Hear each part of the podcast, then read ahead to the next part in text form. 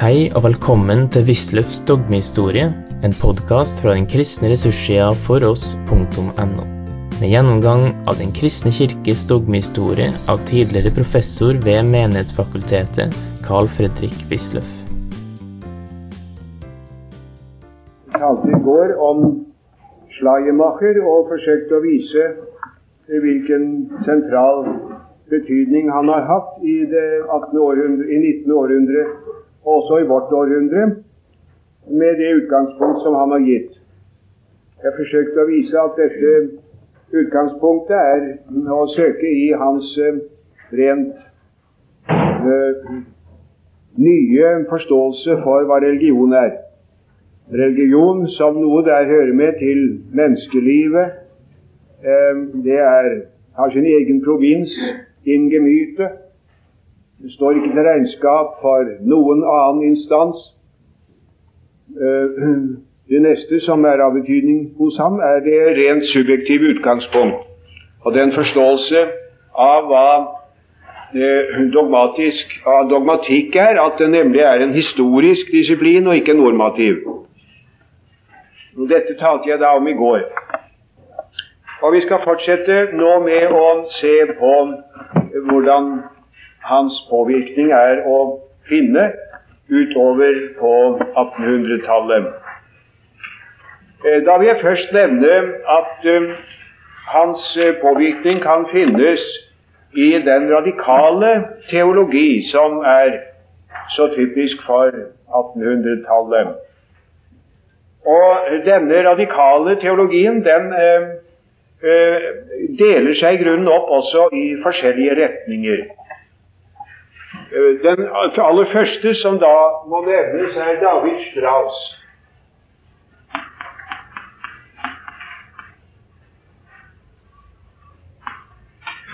David Friedrich Strauss, eh, død 1874. Hans eh, første store verk var Das Leben Jesu, kritisk bearbeidet. Det kom i 1835-36. Og det eh, er et typisk uttrykk for den historiske skepsis som teologien har overfor troverdigheten i Det nye testamentet. Han hadde lært av eh, Schleiermacher og hadde den samme forakt for rasjonalismen som, som denne. Nå hadde romantikken og den tyske idealisme gått imellom, historisk sett, og nå var, nå var rasjonalismens tørre snusfornuft ikke lenger på moten. Vi kan finne dette når vi ser på Strauss' forklaring av de under som Det nye testamentet forteller at Jesus gjorde. Rasjonalismens holdning er jo at man vil forklare det på en såkalt fornuftig måte. Jairus' datter var skinndød, og Jesus gikk på en langgrunne og ikke på sjøen. Eh, og de 5000 i ørkenen hadde hver sin nistepakke som viste seg å være nok når de bare var villige til å dele. Det har jeg hørt en prest si i en fin kirke på Fifth Avenue i New York bare for noen få år siden. Så den slags rasjonalisme fins jo enda. Men Strauss eh, han påpekte hvor urimelig og, meningsløst dette i virkeligheten er, og har en helt annen forklaring. Han er like skeptisk, minst det, eh, enda mer i grunnen, men uh, han har en annen forklaring på hvordan dette er blitt til. Det er han som for alvor her innfører begrepet mytte som forklaring i teologien. Mytte.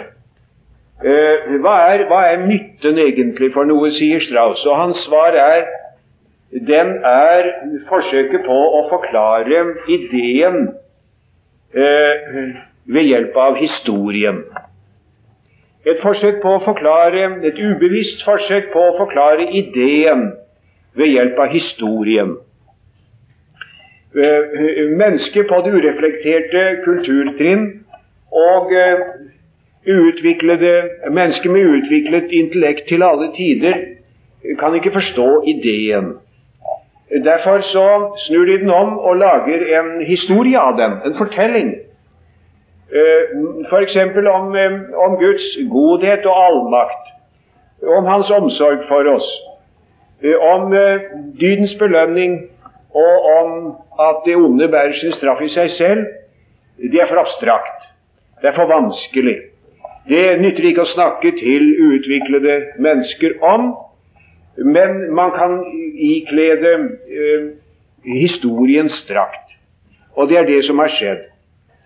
Det er det som har skjedd. Det er en ubevisst prosess som eh, har funnet sted. Og på den måten er da f.eks. For fortellingene om Jesus blitt til. Hans enestående stilling, som på sett og vis Strauss også innrømmer, er blitt forklart ut ifra mytene om hans fødsel, hans underfulle unnfangelse og fødsel og hele dette. Og hans eh, opphøyde stilling i menneskeslekten av andre legender og hans storhet ved alle underberetningene osv. Det er mytte alt sammen. Og tolkningen må da gå ut på å reversere denne prosessen. Eh, den ubevisste prosessen fra ideen til historien må reverseres idet vi altså med utgangspunkt i historien, som vi i og for seg ikke tror på, går tilbake og finner ideen. Vi avkler, skreller bort alt dette her og spør hva er det for idé som ligger til grunn. Og det finner vi da frem til er de grunnleggende, bærende ideer i religionen. Eh, her, her, blir det da gruelig lite igjen av det som man historisk sett har kalt for kristendom. Og da så Strauss også møtte motstand, han ble av denne motstand f.eks. hindret fra å få et professorat som han hadde søkt og kanskje ellers fått, så førte hans bitterhet ham inn til stadig mer og mer utrerte standpunkter, slik at han omsider endog forlot teologien og gikk over til filosofien.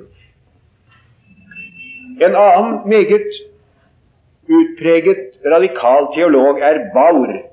Ferdinand Christian Baur.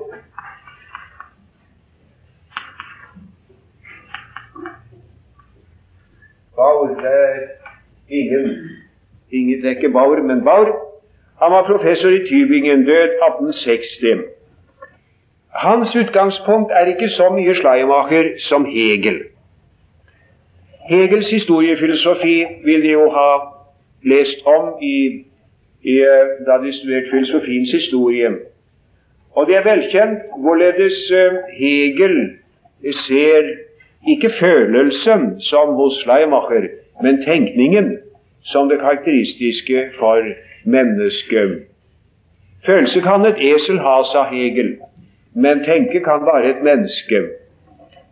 Han eh, og Schleimacher var jo på samme tid i Berlin en lang stund, men hele deres uh, innstilling på mange måter forskjellig, en skjønt en felles bakgrunn i uh, romantikken jo er til å ta og følge på.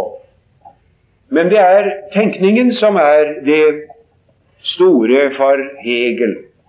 Og hans tanker gjelder jo historien. Hans veldige verk 'Fenomenologi des Geistes' har utviklet denne, dette syn som vi kjenner jo så godt i store trekk om tese, antitese og syntese. Et historisk fenomen setter med nødvendighet sin egen motsetning, som så igjen fører til at det går opp i en høyere enhet i syntesen. Det er en verdens fornuft i denne utvikling, og som følge derav kan man gå ut fra at det som er blitt til, er det fornuftige og riktige. Hegel blir konservatismens filosof i tiden etter napoleonskrigene, i høy grad i Tyskland, men med impulser også andre steder enn skjønt det vel er tvilsomt, og det setter jeg i parentes, hakeparentes, om det er svært mange andre enn tyskere som noen gang har turdet si at de har forstått Hegel. Han er gruelig vanskelig. Men så mye kan jo enhver forstå som det vi her har antydet. Og derfor så blir han, som sagt, konservatismens filosof. Og Fredrik Wilhelm den tredjes politistat blir det riktige uttrykk for verdensfornuften og dens resultat. Den prøyssiske politistat med all sin, med all sin reaksjon. Og også det som fulgte etter, naturligvis, kunne rettferdiggjøres på samme måte. Bauer innfører denne eh, tankegangen med tese, antitese, syntese i teologien. Det blir da ikke mytten som hos Baur som så å si er det drivende i den prosess som fører frem til teologiske standpunkter, men det er teologiske tendenser. Baur analyserer Nytestamentet og finner ut Vi finner den samme historiske skepsis hos ham som hos så mange. Han finner ut at uh, man på den ene side har en jødekristelig type som han finner især i Jakobs brev og i Johannes' åpenbaring. Imot dem, som antitese, står eh, paulinismen. Paulus' fire hovedbrev, Romerbrevet, Galaterbrevet og de to korintiebrevet, er ekte, mener han. De andre er ikke ekte. Disse da er da å betrakte som henholdsvis tese og antitese, og den oldkatolske kirke er syntesen. Den oldkatolske kirke, altså i det annet århundre, er, er, er syntesen. Og på denne måte har eh, de teologiske tendenser drevet utviklingen fremover. Johannes evangeliet er en sen sak, mente han den, er ikke før blitt til før langt ut i annet århundre, og kan bare forstås på bakgrunn av agnostisismen, mente Bauer. Det mente jo for øvrig mange, inntil papiri som ble funnet i Egypten, viser at det i hvert fall har vært avskrevet i Egypten i begynnelsen av annet hundreår, hvorved den teorien i hvert fall var falt. Denne, eh, eh, denne radikale teologien, så hvis mest kjente navn vi her har nevnt, i den første del av, av århundret, har altså sin bakgrunn i Schleiermacher på sett og vis dem også, idet den har tatt over hans historiske skepsis og det subjektive utgangspunkt, men for øvrig i atskillig stor forskjell. En hovedsak i det følgende er å vise at de to teologiske skoleretninger som sto imot hverandre så sterkt i den øvrige del av forrige århundre og i vårt århundre inntil utpå 20-årene, nemlig den, den erfaringsteologien og den liberale teologi, begge har sitt utgangspunkt på sett og vis i Schleiermacher. Og vi har på 1800-tallet en konservativ, kirkelig, konfesjonell strømning, og vi har en kritisk strømning.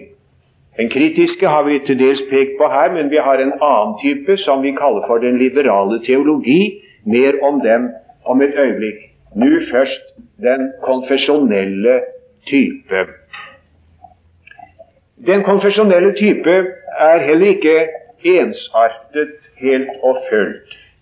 Vi har også der å distingvere mellom forskjellige uh, utgaver som kunne være såpass forskjellige at de fant det nødvendig å polemisere mot hverandre også.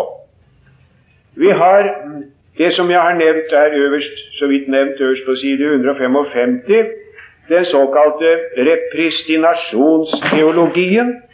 Den uh, altså uh, gjenoppbygging, gjenopplive den teologi som vil gjenopplive den gamle, det gamle, nemlig den gamle lutherdom. Og der er Ernst Wilhelm Hengstenberg, eh, den som vi fremfor alt bør huske. Det er mange navn, men hvorfor nevne så mange? Ernst Wilhelm Hengstenberg.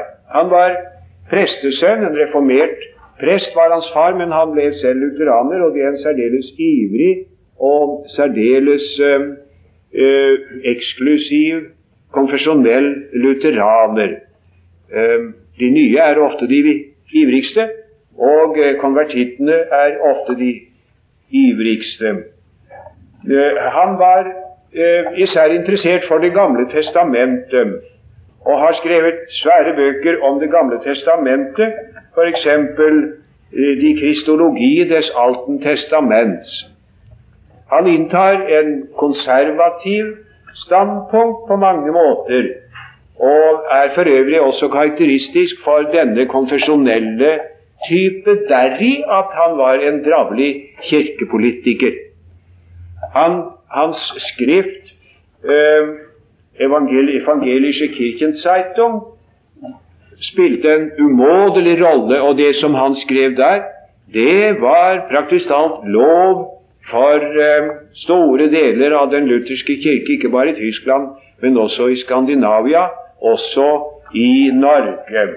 Gisle Jonsson og senere Gustav Jensen har på lignende måte vært smaksdiktatorer her hos oss, både til godt og kanskje av og til til mindre godt.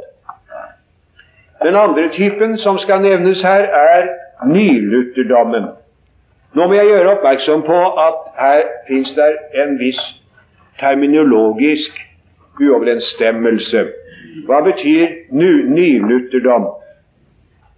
Eh, jeg har inntrykk av at min kollega Leif Aalen bruker ordet nylutherdom sammenfattende om alle nyere utgaver av lutherdom på 1800- og 1900-tallet som ikke er strengt konfesjonelle i grunntype.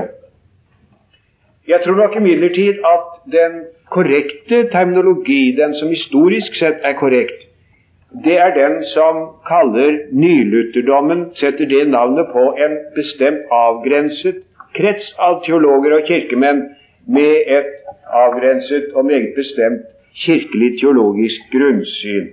Det er de hvis navn jeg har nevnt her, Klifot, og Løe og Filmar, som dessverre er kommet med V. Det skal stå Filmar med fall. Han heter Filmar. Rett endelig det, da. Eh, disse er eh, konfesjonelle i, sin, i sitt grunnsyn. De tar utgangspunktet i et bestemt kirkesyn, eh, har en anstaltmessig betraktning av Kirken.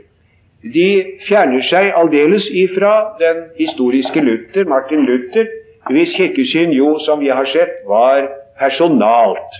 Man forstår overhodet ikke Luthers kirkesyn hvis man ikke tar utgangspunktet i det personale. Kirken er de hellige troende, eller de lam, som øh, følger den gode hyrdes røst, heter det jo. Det er mer å si, men det må sies først. Ellers forstår man ikke Luther. Disse menn derimot begynte helt i den andre enden, så å si. De begynte i Kirken som en anstalt, som en institusjon. Eh, og den var besto dels av det geistlige embetet og dets innehavere, dels av legfolket. Og der er atter til markert forskjell fra Luther embetsbæreren utgangspunktet. Hos Luther er det jo sånn at uh, Hos Luther er det jo sånn at uh, embetsbæreren er folkets representant. Man har, man har menigheten, som består av de mennesker som har troen og Den hellige ånd. Og disse trenger da en tjeneste med ord og sakrament, og til det velger de da uh, en som dertil er skikket til å inneha denne tjeneste. Hos nylutheranerne er det helt annerledes. Der er utgangspunktet i embetet som Kristus har innstiftet uh, da han valgte sine apostler. Og disse apostlene de innsatte andre til å inneha det geistlige embetet og ordinerte dem til dette. Det er en hyrdetjeneste, det er terminologien disse menn i særdeleshet gjorde bruk av. En hyrdetjeneste. Og eh, Dette går da videre fra generasjon til generasjon ved håndspåleggelse. Eh, og dette kan bare en hyrde gjøre. Det er bare en hyrde som kan vite om en egner seg til hyrde, og bare en hyrde som kan kalle en annen til hyrde, sier f.eks. Filmar og Løe. Og så skjer det da videre at dette embetet Altså vi kaller hele dette for menigheten og vi befinner oss hos Martin Luther, og så kaller vi det der inne for embetet. Her kaller vi det for embetet. Det begynner da, og så Dette her skulle jeg ha tegnet opp som piler som peker innover. Eh, men her eh, er det piler som peker utover til alle kanter, og så fremstår på den måten embetet. Eh, her velger menigheten en til å tjene i det embetet som i prinsippet tilhører alle. Her produserer embetet, som er innsatt av Kristus, menigheten. Embetet produserer menigheten. Det er med andre ord en høykirkelig betraktning.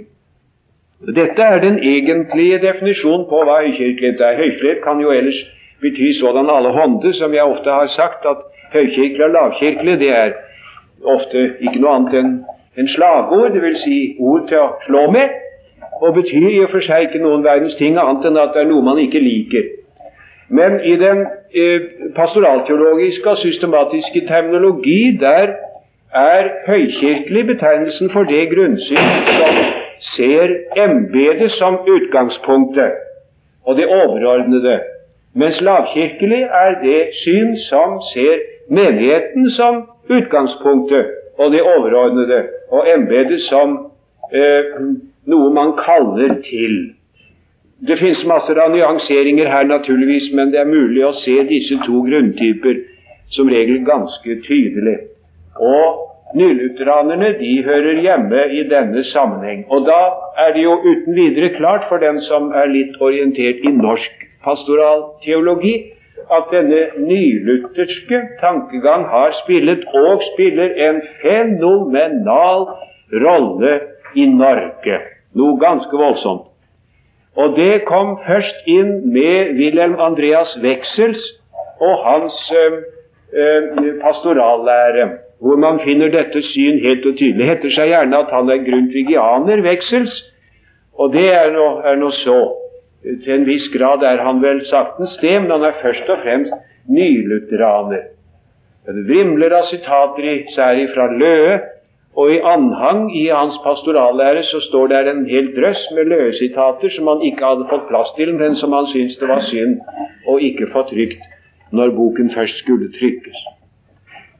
Og Dette grunnsynet kjenner vi jo igjen til de grader opp gjennom uh, hele, hele, veien hos oss, og man har endog ikke noen mangel i gammel og ny tid og, og høyst aktuell moderne tid på mennesker som tror at dette er den egentlige lutherdom hvilket er en misforståelse. Det er enda en type av eh, konfesjonell luthersk teologi å nevne, og det er erlangerne. Erlangen i Bayern eh, ble en høyborg for luthersk konfesjonalisme. Bayern er jo ellers hovedsakelig et katolsk land og et meget viktig Bayern så lenge det var kongeriket Bayern, og også senere, da det ble eh, det tyske riket. Eh, viktig, særdeles viktig post for, for den romersk-katolske kirke, naturligvis først og fremst det. Men der er ikke så få lutheranere heller, og de som er, er konfesjonelt bevisste. Det er det tradisjonelle bildet, og Erlangen var eh, høyborgen for denne tendensen. Her eh, finner vi en liksom skal vi si høyre retning eh, i det i 19. århundre, 1800-tallet. Disse menn viser seg å være påvirket av Schleimacher for så vidt som også de tar utgangspunktet i det rent personlige. Det, det finner vi hos Det finner vi hos Frank, ikke minst.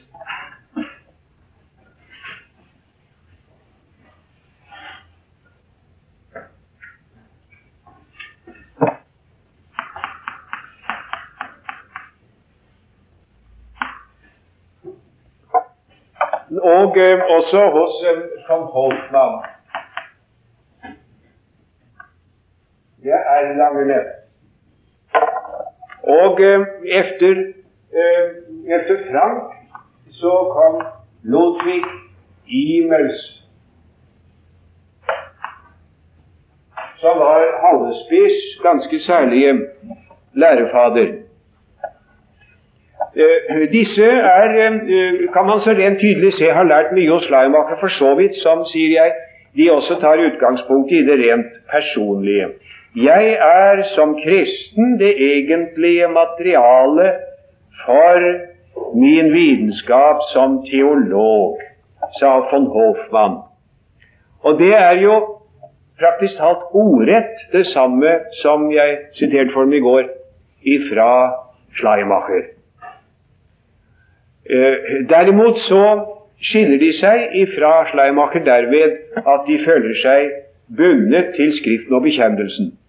Disse har ikke den historiske skepsis. De har en konservativ betraktning av Det nye testamentets, overhodet Bibelens, eh, autoritet også når det gjelder den historiske troverdighet.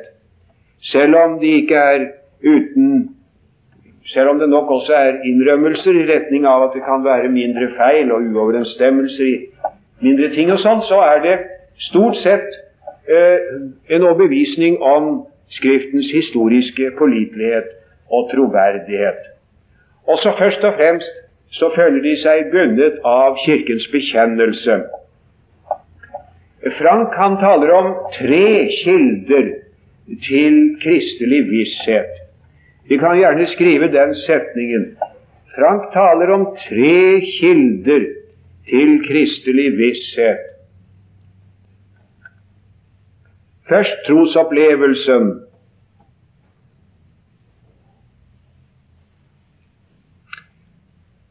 Så bekjennelsen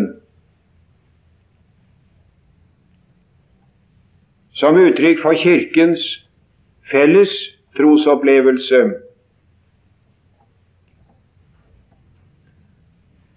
Og så Skriften som den egentlige norm.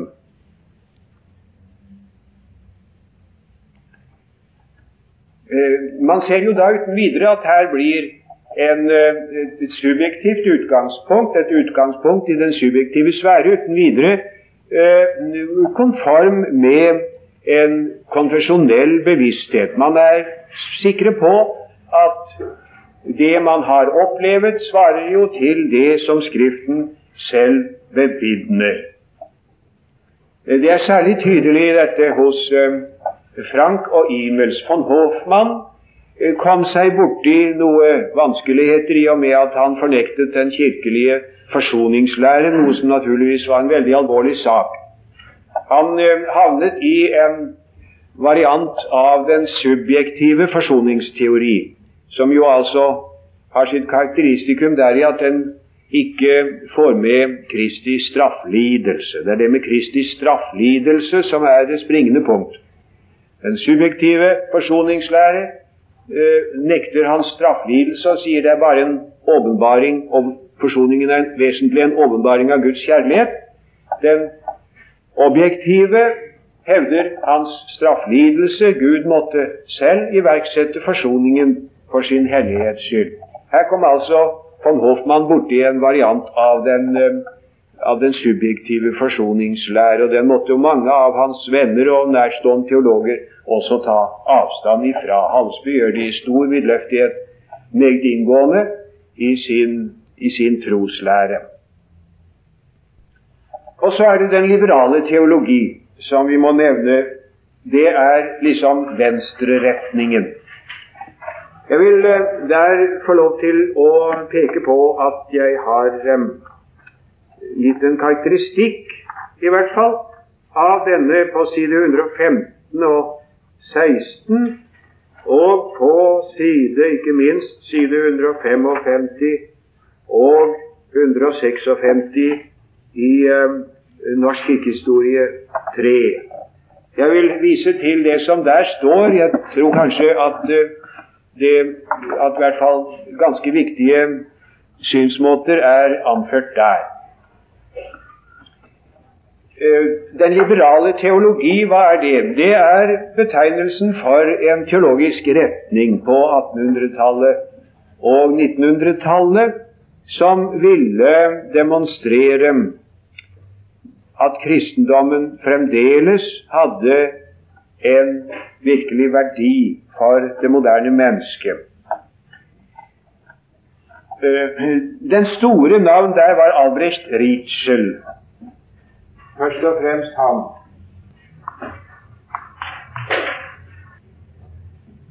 Albrecht Ritschel eh, døde i 1889. Han eh, har skrevet eh, bl.a. Eh, en fremstilling om eh, forsoning og rettferdiggjørelse, historisk systematisk, i flere bind. Det er et monumentalt verk med umådelig lærdom. Fremstiller han disse lærebegrepers historie, men gjør det på en sånn måte at det faktisk blir en systematisk teologisk fremstilling ut av dem. Eh, for ham er også spørsmålet om kristendommens troverdighet et veldig viktig punkt. Og han eh, tilrettelegger det på den måten at han eh, sier de kristelige trosutsagn er hvert ordteile, ikke seins ordteile. Jeg har nevnt dette i boken min på side 155 og 166, hvor jeg redegjør for eh, Johannes Ordings teologi hos oss. Johannes Ording, som var den første, den første liberale dogmatiker i vårt land, og som jo var foranledningen til eh, den store kamp som førte til Menighetsfakultetets opprettelse. Johannes Ordning er utpreget liberal teolog, og han har lært av Ritzel å skjelne mellom Seins ordteile og Wert ordteile. Eh, altså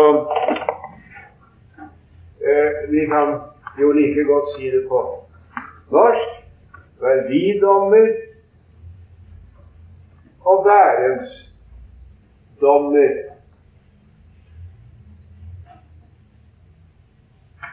En dom betyr da naturligvis, som i logikken, et utsagn. Og en værensdom er et utsagn som går ut på å beskrive hva en sak er, mens en verdidom er en uttalelse som går ut på å klargjøre hva en sak betyr for meg. Og Religiøse utsagn er da altså ikke værensdommer, men verdidommer. Eh, det religiøse subjekt møter de religiøse utsagn i Kirken, i bekjennelsen, i Skriften, og eh, må da nødvendigvis vurdere dem. Det er dette vurderingsprinsipp som er så viktig her i liberal teologi. Og man har da også talt om vurderingsteologien. Halsby brukte det uttrykket eh, som en karakteristikk.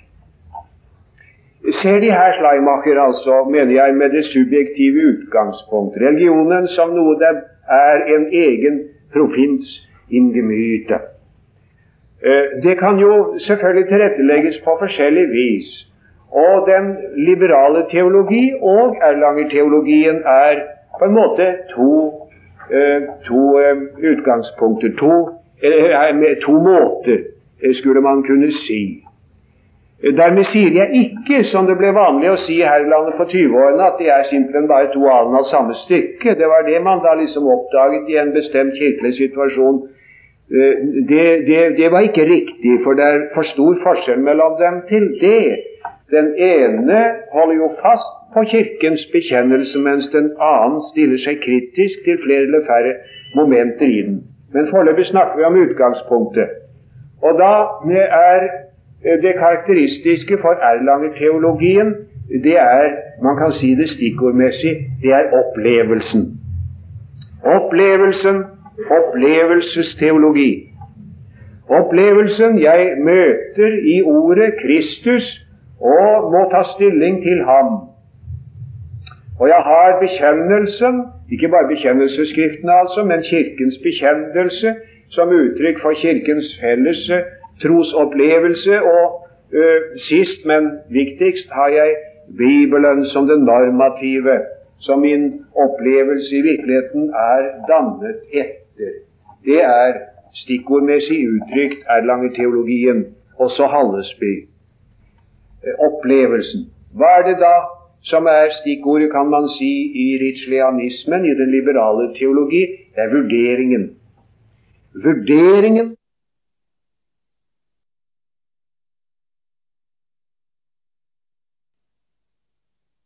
ryggen. Og de vil altså liksom vise dem at uh, dere må ikke si det kristendommen har stadig veldig meget å gi oss.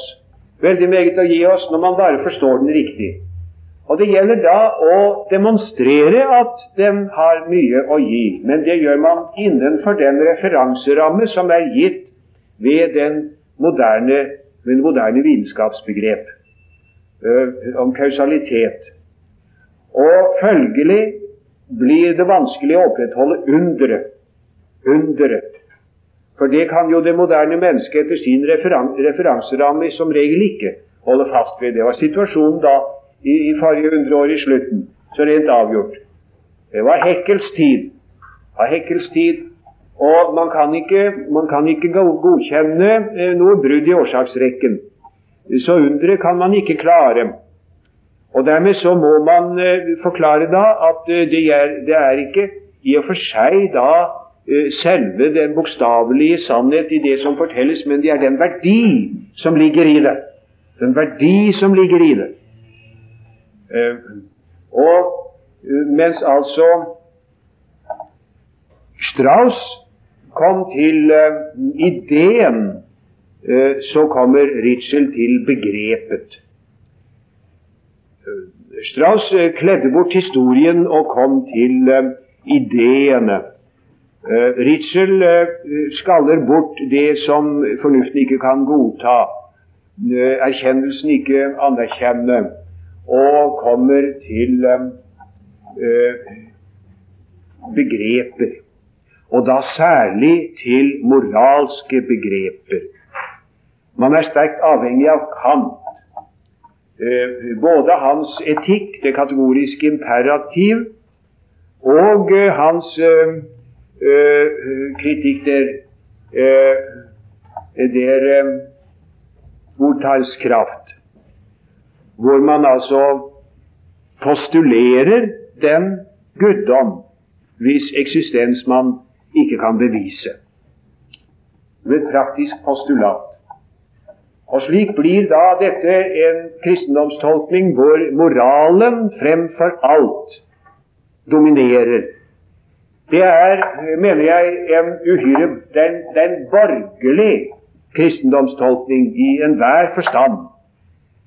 Det er øh, den prøyssiske borgerlighet med den sterke pliktfølelse og øh, vilje til orden og til innsats som her har fått sitt religiøse inntrykk, uttrykk i den liberale teologi.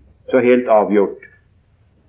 Dermed er dens begrensning også angitt ø, i ø, forskjellige retninger. Den kommer til kort overfor den kirkelige bekjennelse.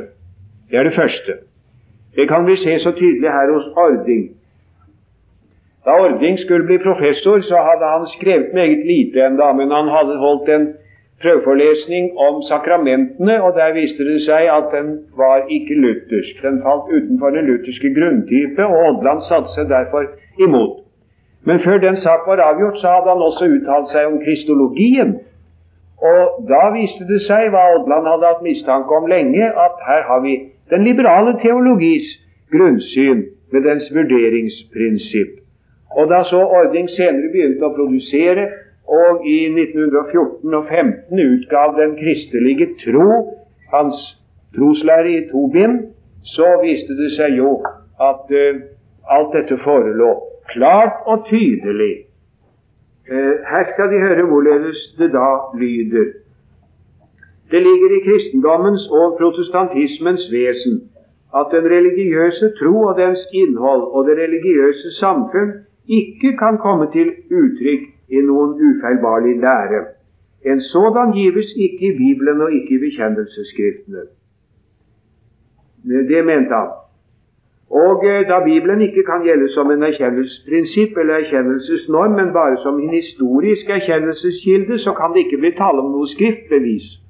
Det anerkjenner han prinsipielt ikke det som heter skriftbevis. Og eh, treenighetslæren og kristologien kan ikke bestå for en logisk og saklig prøvelse, sier Ording. Det er med hans utgangspunkt ikke overraskende. Det fins ikke noen personlig djevel.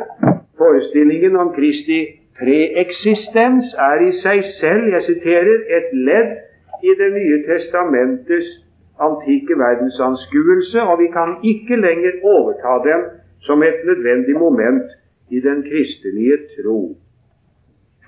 Men blir da ikke dette en ren vilkårlighet, spurte man fra kirkelig teologisk hold. Nei, svarte Ording, og nei, svarte de teologiske, eh, de liberale teologene i det hele taget. Eh, for, eh, mente de, vi må se på den, det religiøse behov og på de religiøse verdier. Det er det som er avgjørende. Det er i seg selv ikke noen religiøs verdi i dogmer. Det er eh, De religiøse dogmer det er i grunnen, som Berggrav en gang uttrykte det, bare et skjelett. Og vi elsker mennesker, men vi elsker ikke skjeletter, sa Berggrav. Jeg forholder meg til et levende menneske, men, men ikke til vedkommendes skjelett, enda jeg jo naturligvis anerkjenner at uten skjeletter så ville det jo ikke være der, skrev en gang Berggrav. Det var ikke Berggrav akkurat noen typisk liberal teolog. Han fornektet aldri noe dogme. Men hans tankegang er dannet ut ifra dette utgangspunkt. Det ser man jo på en uttalelse som denne. Det kommer an på den religiøse verdi. Og for min ø, religiøse følelse er Kristus så stor at jeg godt kan kalle ham Gud.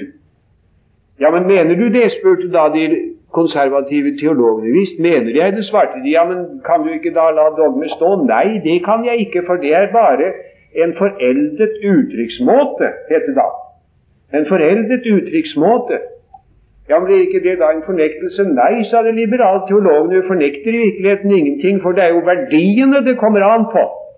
Religiøse verdier. Sånn, sånn eh, tenkte de, og sånn talte de. Hvordan da de religiøse verdier kunne bestå uten det historiske og saklige grunnlag eh, som Bibelen gir oss, fikk man aldri noe svar på. Og hvordan man da kunne bekjenne apostoliske trosbekjennelse på det grunnlag, i virkeligheten heller ikke. Man fikk bare det svar at man bekjenner seg til de verdier, de religiøse verdier, som her har funnet et klassisk uttrykk for så vidt, men dog uttrykk innenfor en virkelighetsforståelse som ikke lenger kan være vår. Det er den liberale teologis grunnsyn. Og Der får vi stoppe i dag. Jeg eh, ser jo at også tirsdagstimen kommer til å måtte gå før jeg blir ferdig med dette programmet. Jeg skal da forsøke å fortsette hvor jeg her slapp. Og eh, så etterpå gå løs på det neste, som jeg allerede har advisert, nemlig en gjennomgåelse av eh, norsk kirkehistorie etter ca. 1880 med tanke på en eh, eh, liksom en slik gjennomgåelse av eh, denne boken her at man får strukturen, en strukturering av stoffet, skulle man kunne kalle det. Som jeg håper skulle være nyttig, ikke minst med tanke på eksamen, men ærlig talt vel også med tanke på at man har ikke vondt av å kjenne sin historiske bakgrunn. Heller ikke den som ligger like bak oss. Du har nå hørt Wisløffs dogmehistorie Finn flere ressurser og vær gjerne med å støtte oss på foross.no. Følg også gjerne noen av våre andre podkaster, f.eks. Table Talks.